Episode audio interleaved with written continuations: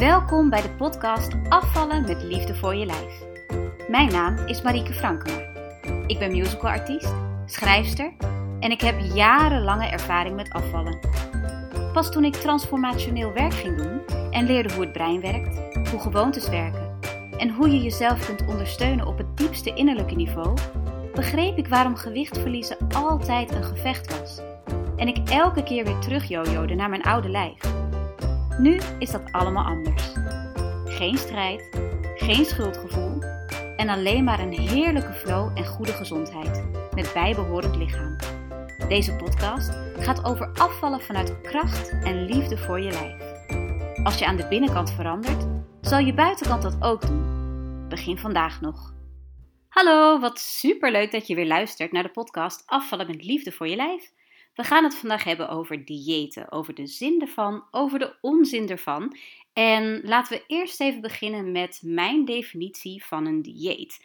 Want eigenlijk wordt het woord gebruikt op een manier die niet volledig klopt. En ik gebruik de manieren eigenlijk door elkaar, dus dat is ook een beetje onhandig. Dus laten we even heel helder zijn. Je kunt een dieet volgen en dat is dan bijvoorbeeld zoiets als Montignac of het Sonja Bakker dieet of wat dan ook. En dat is een aangepaste manier van eten met een bepaald doel. Maar eigenlijk is een dieet alleen de manier waarop je eet. Dus een vegetarisch dieet is gewoon de manier waarop jij eet. In de aflevering met Natasja van der Stelt hebben we het daar ook al even over gehad. Dat de manier waarop je eet eigenlijk ook dieet heet. Nou, vandaag gaan we ons specifiek wel even bezighouden met dat dieet met een bepaald doel. Dus om af te vallen of om, uh, weet ik veel wat, je candida onder controle te krijgen of wat dan ook. Want voeding kan ongelooflijk veel voor je doen. Maar zoals altijd zit er een heel groot component in vanuit je brein, vanuit je mindset. Want op het moment dat jij een bepaald dieet gaat volgen omdat je iets wil bereiken, en in ons geval waarschijnlijk omdat je wil gaan afvallen, dan gebeurt er iets in het brein. Want op het moment dat jij besluit minder te eten, van wat dan ook, omdat je wil afvallen, omdat je niet goed genoeg bent, of omdat er dingen zijn die je gaat schrappen uit je dieet, omdat ze niet goed zijn voor je en omdat ze zorgen dat je dik wordt en de, dan creëer je eigenlijk schaarste. En laat ons brein nou een gigantische hekel hebben aan het idee van schaarste. Want op het moment dat jij iets niet mag, op het moment dat jij opereert vanuit dit mag ik niet, dan wil jouw brein het juist hebben. En als antwoord daarop ga jij waarschijnlijk heel erg streng zijn. Dus ga je echt een, een beetje een emotionele lading eigenlijk leggen op datgene wat je niet meer neemt. Laten we zeggen chocolade. Waardoor je brein dus alleen maar meer gaat verlangen naar het verboden chocola. En zodra je dan wel een keertje begint met chocola, dan kun je geen maat meer houden. Dat is wat er bij 9 van de 10 mensen, of misschien wel meer, gebeurt. Dat op het moment dat je heel streng bent geweest op iets niet nemen, dat zodra je het jezelf wel toestaat, dat je dan meteen overboord gaat, zeg maar. Dat je meteen gewoon alle grenzen meteen compleet laat varen en helemaal uit je plaat gaat, helemaal losgaat op die chocolade. En dat komt dus voort uit dat schaarste mechanisme. Want zodra jouw brein registreert dat jij ergens iets niet genoeg van krijgt, en de gedachte dat mag ik niet hebben, dat is dus voor je brein al genoeg trigger om te denken: oh nee, dat mag ik niet, of dat is niet beschikbaar, of wat dan ook. Dan wil je brein dat juist hebben. Want jouw brein die functioneert op een niveau van wat er weinig is, wat ik ervaar als gemis. Dat is blijkbaar belangrijk voor mij, daarom moet ik dat hebben. Dus op het moment dat jij chocola plaatst in de categorie gemis, in de categorie dit mag niet, gaat jouw brein dat registreren als iets wat noodzakelijk is voor jou, maar wat er op dit moment niet is. Dus zodra het er wel is, gaat je brein los. En dat is waar heel veel mensen bij een dieet tegenaan lopen. En dat kan voor chocola gelden, dat kan voor brood gelden, dat kan voor van alles en nog wat gelden. Op het moment dat jij iets aanmerkt als verboden, als niet goed als doen we niet en daar heel streng ook op bent, dan glijdt je brein compleet in schaarste. En dan is het dus heel moeilijk A om het te weerstaan op het moment zelf, want wat we niet mogen, dat willen we juist hebben. Dus dat is dan een ding. En op die manier maak je het gevecht op het moment zelf dus zwaarder. Maar dat betekent ook dat zodra jij hebt besloten dat het genoeg is met de dieet, dat jij dit dieet niet meer hoeft te doen, dat het goed met je gaat, of dat je probeert een heel klein beetje losser te worden, omdat je al heel dicht bij je streefgewicht zit of al op je streefgewicht zit, dan laat je dus dat schaarste ding laat je los, waardoor jouw brein ook denkt: jee, we mogen weer, woehoe! En die gaat dan los. En dat is dus ook wat, wat dat yo-yo-effect in de hand werkt. Dat op het moment dat jij schaarste hebt ervaren, dat jouw lichaam dat wil compenseren, dat jouw brein dat wil compenseren. Dat is waarom een dieet zo gevaarlijk kan zijn als je het insteekt vanuit verboden. Als je het insteekt vanuit dit mag niet, dat mag niet, zus mag niet, zo mag niet. Als jij dus werkt vanuit schaarste, wordt een dieet een probleem. En nou denk je misschien, ja, heel leuk en aardig Mariek, maar er moet echt iets gebeuren. Ik zal iets moeten veranderen in mijn eetpatroon. En jij zegt nu dat ik geen schaarste mag opwekken. Wat doe ik dan wel? Nou, is eigenlijk heel simpel. Zoals ik altijd propageer dat je moet afvallen met liefde voor je lijf, kun je dat ook voortzetten in de manier waarop je eet. Wat nou als je niet meer denkt vanuit dit mag niet, maar als je gaat denken vanuit wat is goed voor mij? Wat heeft mijn lichaam nodig? En als je daar eventjes over na gaat denken, merk je waarschijnlijk dat jouw lichaam veel, veel blijer wordt van een lekker groentesoepje of van een gezonde maaltijd dan van dat chocolaatje. Even een nuance. Eén chocolaatje kan best goed zijn voor je lijf. Er zitten dingen in chocola die zijn echt niet verkeerd. En er is überhaupt, om even een, tussenstapje te nemen, er is überhaupt niks verkeerd aan eten. Er is niks verkeerd aan voeding. Ik weet zelfs een dieet, dat is vanuit het ziekenhuis uitgebracht, zeg maar. Vanuit een ziekenhuis, dus echt met diëtisten en alles samengesteld. Waar af en toe een punt appeltaart gewoon in staat. Dus voeding is niet, is nooit per definitie slecht. Het gaat eerder om de verhoudingen en over wat jouw lichaam nodig heeft. Dus in plaats van te gaan diëten vanuit schaarste, vanuit dit mag niet, ga eens een dieet doen of een manier van eten volgen om jouw lichaam te ondersteunen. Niet om dingen weg te halen, maar juist om dingen toe te voegen. Jouw lijf heeft behoefte aan van alles. Jouw lijf is zo ingesteld dat er bepaalde dingen nodig zijn voor jou. En dat is deels een algemeen iets. De meeste mensen, ik denk zo nagenoeg iedereen, heeft vitamine D nodig. Dat kun je halen uit het zonlicht, kun je halen uit je voeding, maar iedereen heeft vitamine D nodig. Vitamine C, vitamine A, E, K. Er is van alles en nog wat. Je hebt vezels nodig, je hebt vocht nodig, je hebt mineralen nodig, je hebt spoorelementen nodig. Er is van alles en nog wat wat je nodig hebt, waar je je lijf dus echt een gigantisch plezier mee doet. Dus als ik kan kiezen, dan kies ik iets waarvan ik weet dat het mijn lichaam ondersteunt. In plaats van een dieet te volgen vanuit schaarste, zorg ik ervoor dat mijn dieet geen schaarste laat ontstaan in mijn lijf. Eigenlijk volg ik een dieet, en dat is dan een dieet in, in de brede zin van het woord, om het eventjes heel helder te houden. De manier waarop ik eet, zorgt ervoor dat ik mijn lichaam zo goed mogelijk ondersteun. Dat is de insteek. Dat is wat ik doe.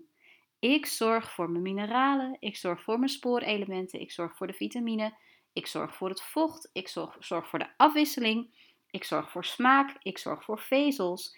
Ik ondersteun met hoe ik eet mijn lichaam.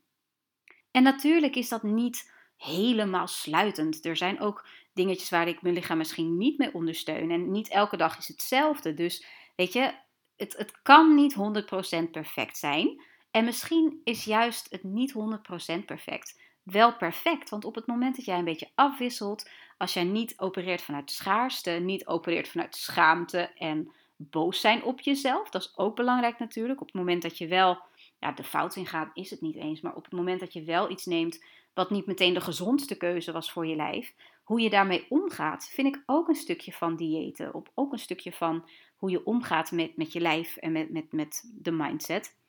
Dus als het niet helemaal 100% perfect is, dan is het waarschijnlijk perfect.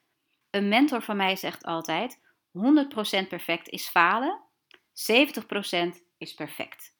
En ook alleen al het loslaten van het perfectionisme in dat lijnen, in dat diëten, dat is ook al zo'n ongelooflijk groot en belangrijk ding. Dus ook die mag je echt meenemen. Dus de twee grootste punten die ik eigenlijk wil bepleiten op dit moment is dat je dus niet voor 100% perfect moet gaan, maar voor 70, 80%. Maar dat je ook dat schaarste denken loslaat en gaat vertrekken vanuit: oké, wat heeft mijn lichaam nodig? Wat is het allerbeste dat ik op dit moment kan geven aan mijn lichaam? En dan komen we ook weer terug op het stukje houden van jezelf.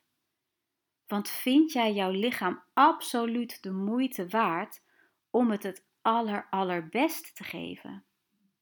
Hoe belangrijk vind je jouw gezondheid? Hoe belangrijk vind je jouw lijf? Hoe belangrijk vind je jouw leven? Dat zijn de vragen waar het om gaat. Want heel vaak, als we niet goed voor onszelf zorgen, en als we gewoon ons met een Jantje van Leiden eraf maken en de snelle, makkelijke hap kiezen, of de snoepjes kiezen, of de koekjes kiezen, of wat dan ook, zegt dat heel veel over hoe wij onszelf ervaren. Zegt dat heel veel over hoe waardevol wij onszelf vinden. The things you love, you take care of. Dus als jij nu naar je eigen eetpatroon kijkt, hoeveel liefde schemert daarin door? Hoeveel liefde valt er af te lezen aan de manier waarop jij eet? En daar zit een stukje kennis in. Er zit een stukje kennis van wat jij nodig hebt in. Daar kun je op internet heel veel over vinden. Je kunt ook bij mij een workshop gezond en goed gaan volgen. Dat kan allemaal. Maar weet je wat jij nodig hebt? En weet je ook waar dat in zit? En weet je ook waar je misschien wat meer van nodig hebt? Ik ben bijvoorbeeld zelf bezig mijn jodiumvoorraad op te bouwen. Dus ik neem echt wat meer jodium dan gemiddeld nodig zou zijn. Maar ook alleen al dat wat gemiddeld nodig zou zijn, Geldt dat ook voor jou? Of heb je wat minder nodig? Heb je wat meer nodig? Daar zul je toch op een gegeven moment door experimenteren of door gewoon te voelen wat jij nodig hebt en waar je voorkeur ligt qua eten, dat vind ik ook een heel belangrijke, zul je merken wat jij specifiek nodig hebt. Want wat gemiddeld geldt voor een uh, blanke man van 35 jaar, kan voor een dame met een donkere huidskleur um, die in haar 50er jaren zit, compleet anders zijn. We zijn niet allemaal hetzelfde. We hebben allemaal net andere behoeften. En ik vind het heel belangrijk om uit te zoeken wat voor behoefte dat is, zodat ik daar het beste op kan aansluiten en mezelf dus ook in moeilijke tijden meer kan geven. Ik heb nu, nu ik dit opneem, zit ik in het allerlaatste staartje van corona. Ik heb het dus gehad. En ik heb mezelf qua supplementen en qua voeding super goed kunnen ondersteunen. En daar ben ik best wel blij mee. Ik ga er ook nog een podcastaflevering over opnemen. Maar ehm, ik wist wat ik mezelf kon geven om mijn genezingsproces, om mijn helingsproces super goed te ondersteunen. En ik ben daar heel erg blij mee, want ik ben ook gewoon super snel opgeknapt. Ik heb minder dan een week geleden de uitslag gehad dat ik corona had. En ik ben alweer zo gezond dat ik morgen gewoon mijn dingen kan gaan doen. Ik lig niet in de lappenmand. Ik voel me prima. Ik heb geen last van energie die weg is. Ik heb al bijna mijn hele volledige reuk en smaak weer terug. Het gaat gewoon hartstikke goed. En daar ben ik heel blij mee. Maar ik weet ook dat door de keuzes die ik gemaakt heb op mezelf te ondersteunen, dat ik daaraan bijgedragen heb, actief. Dus ik pleit echt voor het uitzoeken of in ieder geval je bewustzijn van wat een mens gemiddeld nodig heeft. En dat je in ieder geval daar eens mee begint voor jezelf. En wat ook heel belangrijk is, is dat niet ieder dieet voor iedereen hetzelfde werkt. Er zijn diëten die zogenaamd heel veel succes hebben. En dan denk ik, ja, maar krijg jij nu wel genoeg voedingsstoffen binnen? Krijg jij alle vitamine, alle mineralen en alles wat jij nodig hebt wel binnen nu? Of moet je het halen uit supplementen? En supplementen mogen alleen aanvulling zijn.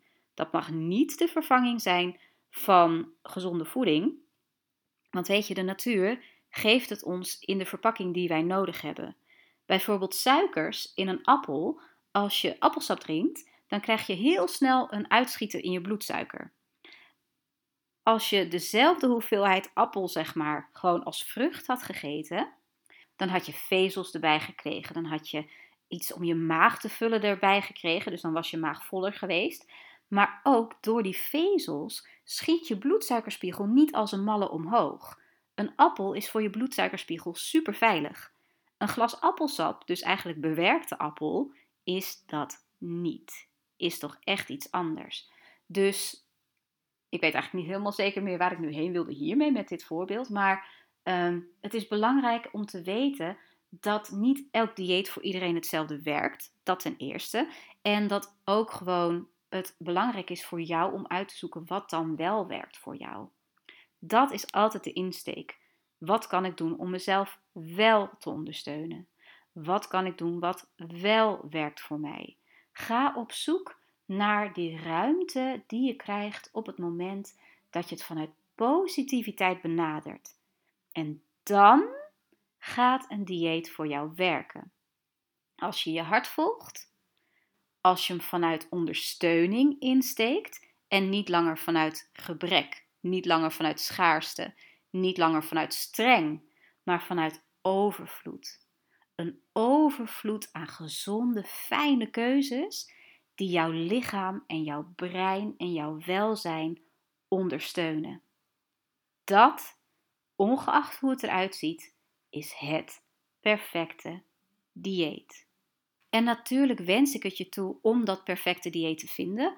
Mocht je hulp nodig hebben, laat het me weten. Dan kunnen we een afspraak maken, want ik vind het geweldig om dit met jou uit te zoeken. En voor nu wens ik je gewoon een hele fijne dag. En blijf vooral dicht bij jezelf met liefde voor je lijf. Tot zover deze aflevering van Afvallen met Liefde voor je Lijf. Als je deze aflevering waardevol vond en denkt dat anderen er ook blij van worden, deel deze aflevering dan met vrienden en familie. Of laat een review achter op het platform waar jij luistert.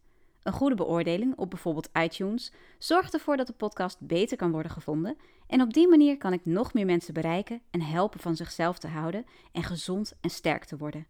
Ik waardeer jouw hulp daarin enorm. Oh, en als je je abonneert, mis je geen aflevering meer. En ook dan is de kans dat mensen de podcast kunnen vinden groter. Ik zeg win-win. En volg je me al op social media? In de show notes vind je de links naar onder meer Instagram en de Facebook community, waar ik regelmatig te vinden ben om vragen te beantwoorden en na te praten over de afleveringen en waar je steun kunt vinden bij het afvallen. Tot slot, vertel me alsjeblieft wat jouw aha-momentjes waren. Ik vind dat superleuk om te weten en dat maakt dat ik de podcast nog beter kan afstemmen op wat jij nodig hebt. Ik wens je een heerlijke dag verder en onthoud, you got this.